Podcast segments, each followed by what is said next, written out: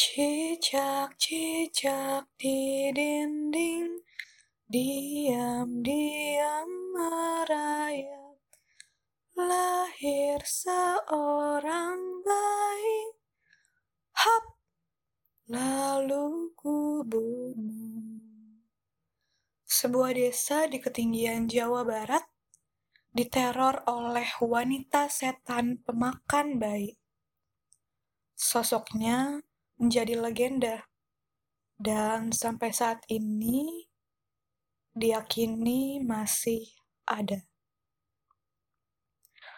Bagi lovers yang belum mendengarkan cerita minggu lalu, silahkan mendengarkan cerita tersebut terlebih dahulu.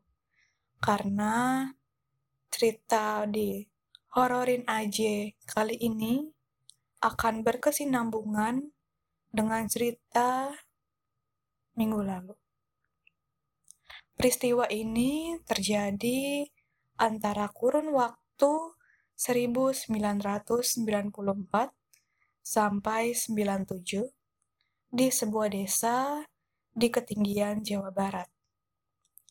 Cerita ini bermula ketika salah satu rumah sakit mengalami peristiwa meningkatnya angka kematian bayi dan kehilangan ari-ari bayi.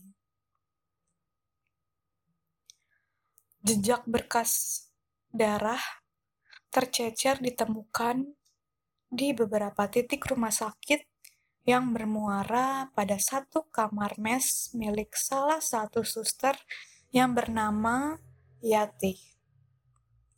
Karena ketidakwajaran tersebut, pihak rumah sakit melakukan penyelidikan dan dari sinilah semuanya dimulai. Sebelum itu, gue mau mengasih tahu lagi uh, cerita ini gue ambil dari tweet di Twitter at zero point. Dan cerita ini beliau susun padat berdasarkan hasil risetnya melalui beberapa narasumber dan nama-nama tokoh dalam kisah ini disamarkan untuk melindungi privasi narasumber. Langsung saja kita mulai.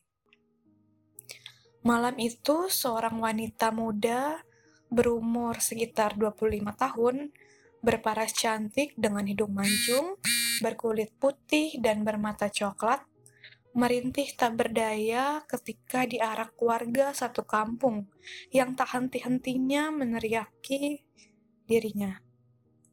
Dasar wanita setan, kembalikan anak kami. Badannya dililit tambang, diikat erat, lalu ujung talinya diberi penyangga kayu untuk menarik wanita itu layaknya binatang. Seolah tak ada yang berani menyentuh langsung wanita itu. Dirinya hanya bisa merintih menangis dengan kaki telanjang tanpa alas.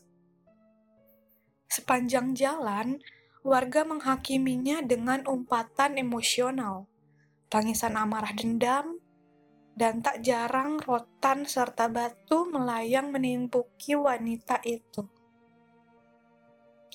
Hari penghakiman ini seperti telah ditunggu oleh para warga desa yang sudah geram. Kamu memakan anak saya, setan! Teriak warga histeris.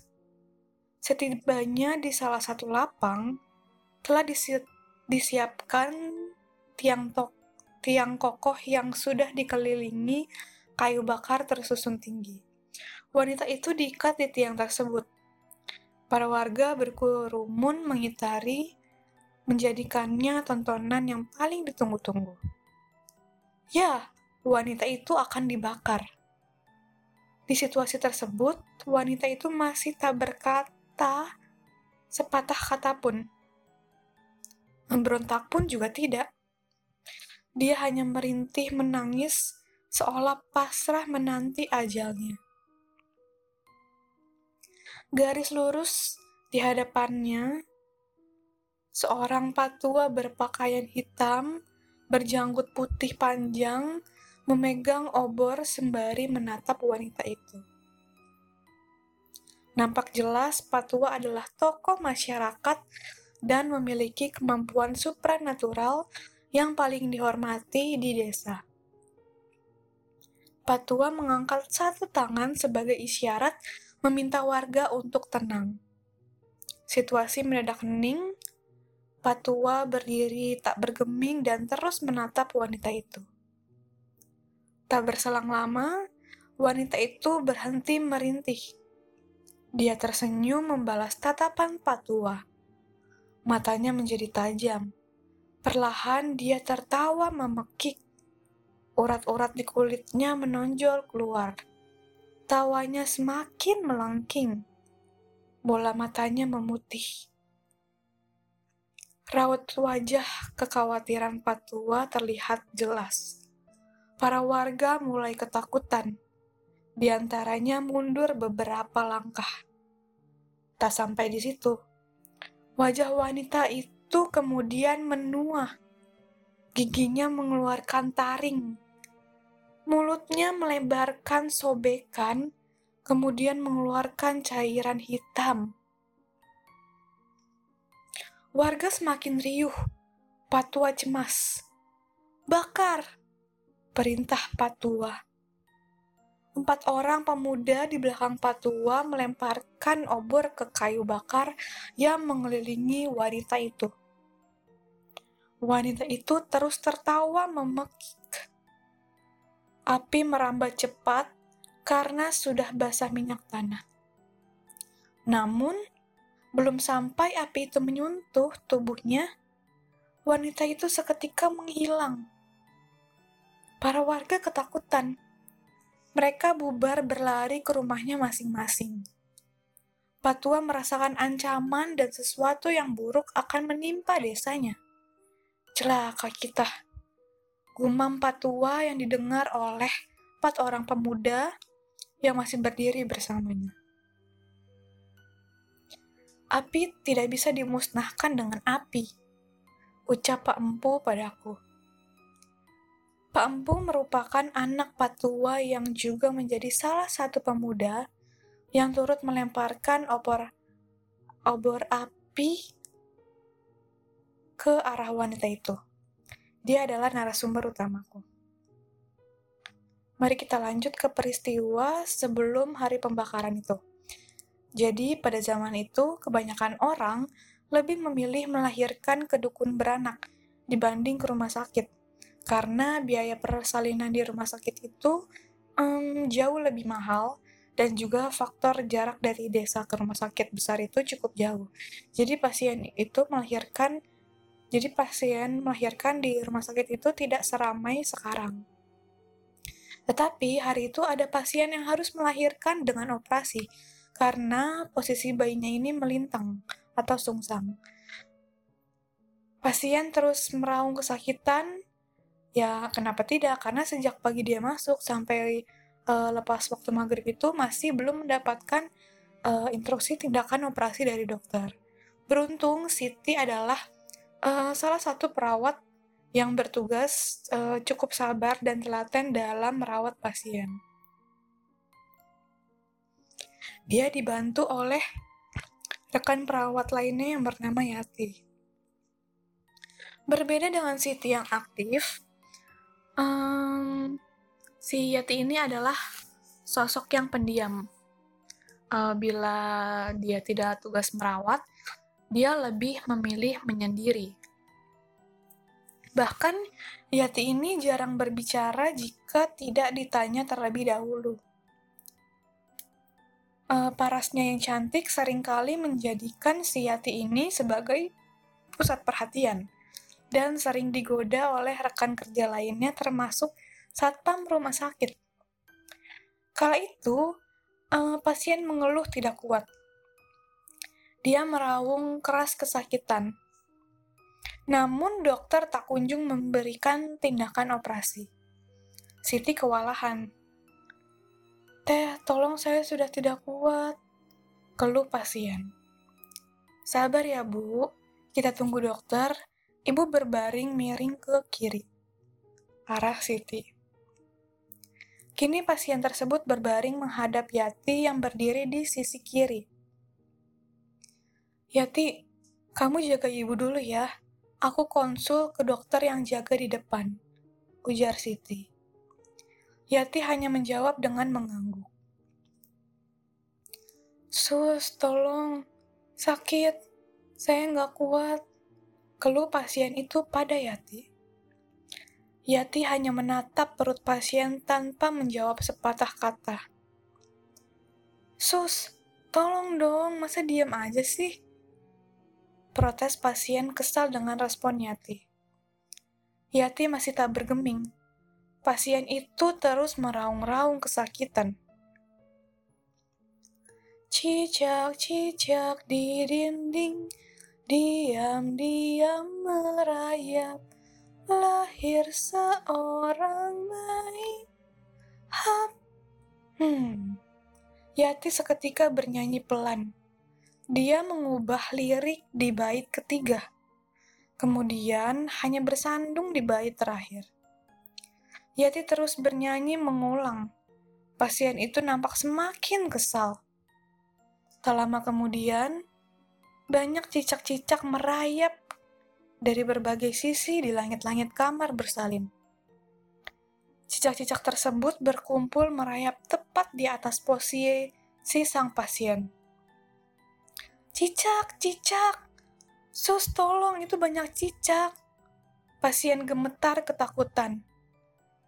Yati berhenti bernyanyi.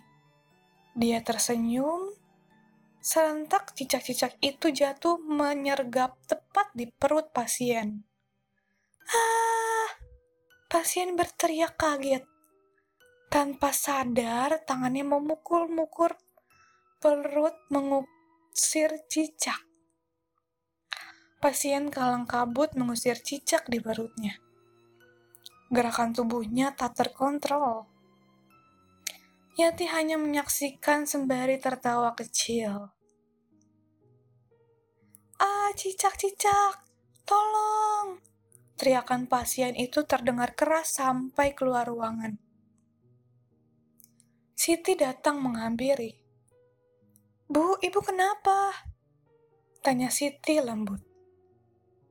Cicak sus, ini di Jawaban pasien terpotong begitu melihat sudah tidak ada cicak di perutnya. Tadi di perut saya ada cicak banyak, sus. Terang pasien yang kemudian merasakan nyeri tak tertahan di perutnya. Siti memeriksa. Pembukaannya sudah lengkap, kepala bayinya sudah terlihat. Sontak Siti memanggil rekan perawat lainnya untuk membantu, karena di luar dugaan pasien dapat melahirkan normal. Yati yang berdiri agak jauh dari pasien mengerjapkan mata seolah tersadar sesuatu. Para perawat lain datang membantu, tetapi si Yati ini justru malah keluar ruangan. Sudah biasa bagi perawat lain melihat Yati keluar ruangan ketika pasien hendak melahirkan. Tidak ada yang mengetahui alasan pastinya, dan tidak ada juga yang memprotes Yati. Karena Yati selalu ambil bagian sibuk lebih dahulu ketika mengurus pasien pada fase pada fase pra bersalin. Bahkan tak jarang membantu petugas perawat perawat lainnya. Persalinan pasien berlangsung lancar. Anak laki-laki dilahirkan normal dan selamat ari-ari bayi tersebut dipisahkan. Siti membawa bayi itu keluar ruangan untuk dibersihkan. Siti memasuki ruangan membandingkan bayi seorang diri. Dia membersihkan bayi baru lahir itu, sementara perawat lainnya meneruskan penanganan pasien um, atau menjahit pasien tersebut. Bayi yang semua menangis keras tiba-tiba berhenti menangis. Siti mencium aroma melati. Mula-mulanya dia menghiraukan saja. Tapi lama-lama wangi itu berubah menjadi bau semerbak kemenyan. Bulu aroma Siti meremak. Dalam hati, dia merapalkan doa. Bayi itu menangis lagi. Lalu terdengar suara perempuan bergumam, melantunkan nada lagu cicak di dinding. Bayi itu berhenti menangis seolah mendengarkan suara senandungan lagu cicak di dinding dengan lantunan tempo lambat. Suara itu berasal dari langit-langit ruangan di sisi belakang Siti. Tangannya mulai gemetar memegang sang bayi. Jantungnya berdegup kencang dan Siti merasa ketakutan. Suara senandung itu semakin keras dan semakin dekat. Sekujur tubuh Siti membeku. Dia merasakan ada sosok merayap yang mendekat menghampirinya. Sosok itu kini lebih jelas berhenti tepat di langit-langit di atas kepala Siti. Dia mempererat genggaman genggaman ke sang bayi. Perlahan Siti mendongakkan kepala ada yang menetes di kepala Siti. Cairan kental yang berbau amis. Siti memberanikan diri untuk terus menoleh ke atas dengan gemetar. Tubuhnya berupaya menjaga keseimbangan. Mata Siti terber terbelalak, kakinya melemas. Alangkah terkejutnya Siti melihat sosok wanita merayap, berambut panjang menjuntai, bola matanya putih, Wajahnya tua hitam, giginya bertaring, dan keluar cairan kental hitam berbau anyir dari mulut sobeknya. Cairan itu menetes deras ke arah wajah Siti. Sekujur tubuh Siti membeku. Lidahnya keluh, badannya gemetar, tetapi dia berupaya sekuat tenaga menjaga keseimbangan tubuhnya agar tidak roboh ke lantai. Kedua tangan Siti masih memegang erat sang bayi. Sekarang sosok itu menjulurkan tangan dengan kuku hitam panjangnya ke arah kedua bola mata Siti secara berlahan.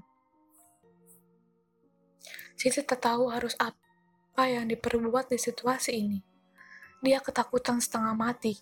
Kaki-kakinya melemas entah berapa lama lagi mampu menopang perlahan tubuhnya belum sampai jari makhluk itu ke mata Siti, tiba-tiba bayi yang digenggam Siti menangis keras.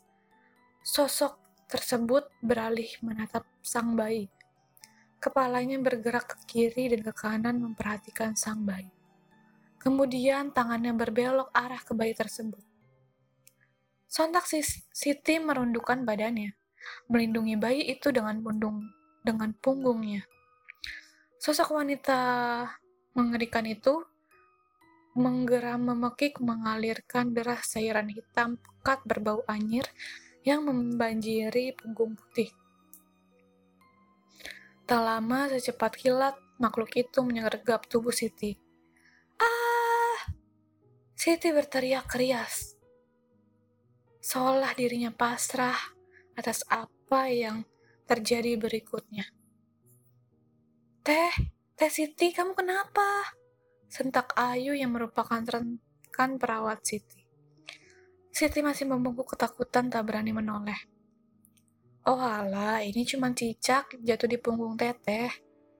Ujar Ayu santai sembari mengusir cicak di punggung Siti. Cicak itu melompat entah ke mana. Siti tersadar. Dia menoleh ke belakang dan benar ada Ayu di dekatnya. Siti masih tidak percaya dengan apa yang baru saja terjadi padanya. Dia menarik napas panjang dan mencoba mengambil alih tenang. Kamu kenapa, Teh? Takut cicak? Ayu menyeringai terta dengan tertawa kecil. Alih-alih ingin bercerita banyak kepada Ayu, Siti hanya membalas, enggak, enggak apa-apa. Tangannya masih gemetar, tapi dia berupaya tenang dan kemudian melanjutkan aktivitasnya membersihkan bayi. Siti memeriksa tubuh sang bayi untuk memastikan kondisinya baik-baik saja. Tak ada yang aneh pada tubuh bayi. Dirinya mulai berpikir, mungkin saya tadi hanya halusinasi. Meski begitu, dia pun masih tidak yakin karena peristiwa tadi benar-benar terasa nyata sampai membuatnya keringat dingin. Siti mempercepat pekerjaannya, membersihkan bayi. lalu menyerahkan bayi tersebut ke poli anak unit pasca melahirkan. Siti kembali ke ruang bersalin. Tampak di sana dia mendengar rekannya sedang berdebat di meja jaga depan ruangan. Tadi kamu Tias yang minta aib, yang minta ari-ari bayinya. Katanya biar kamu yang urus. Kok sekarang malah tanya lagi ke aku, gimana sih? Tanya salah satu seorang perawat rekan ke rekan perawat lain. Teh, aku nggak merasa menerima. Orang aku aja baru selesai jahit pasien kok. Tanya aja ayo kalau nggak percaya. Balas Tias, perawat yang tak terima disalahkan.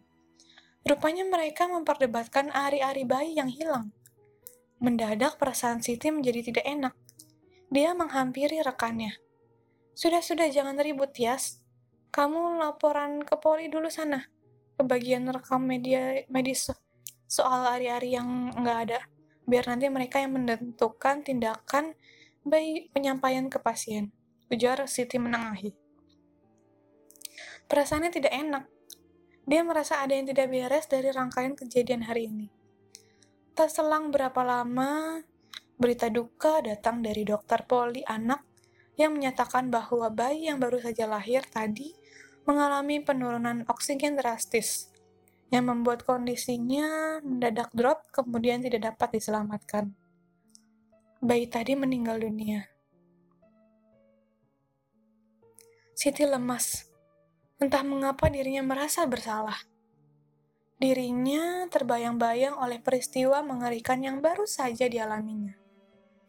Sekarang dia yakin bahwa hal yang tadi dialaminya itu bukan halusinasi, melainkan benar-benar nyata.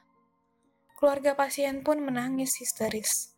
Sang ibu juga merasa bersalah karena berpikir bahwa ini penyebab dari dirinya yang tak terkontrol ketakutan sampai memukul-mukul perut. Dari kejauhan nampak Yanti berjalan perlahan menghampiri. Yati masih diam seperti biasanya. Ibu pasien itu diantar Siti dengan kursi roda ke kamar rawat. Mereka berpapasan. Ibu pasien hanya menatap tajam Yati tanpa berkata apa pun. Setibanya di kamar rawat, sang pasien bercerita pada Siti tentang peristiwa aneh yang dialaminya di kamar bersalin ketika hanya berdua bersama dengan suster Yati. Sejak saat itu, angka kematian bayi mendadak tinggi, Kang. Hari-hari bayi juga sering hilang, ucap suster padaku. Beliau adalah narasumber kedua dari Treat at Zero Point. Dia adikku. Tiba-tiba Aksa berbisik padaku. Kulihat matanya nanar, energinya menjadi penuh amarah dan dendam. Dari situ aku tahu, ternyata ini alasan Aksa membawaku ke peristiwa ini sampai akhirnya aku mencari tahu lebih dalam. Suster Siti mengatakan bahwa Sejak peristiwa itu, makhluk bangis itu semakin intens, intens meneror. Hampir seluruh perawat poli kandungan mengalami teror serupa, yang pastinya dialami dengan senandung lagu cicak di dinding. Sangat mengerikan. Banyak yang berujung pingsan bahkan memutuskan berhenti bekerja. Tak hanya perawat, satpam dan karyawan rumah sakit lainnya juga kerap diganggu kala dinas malam.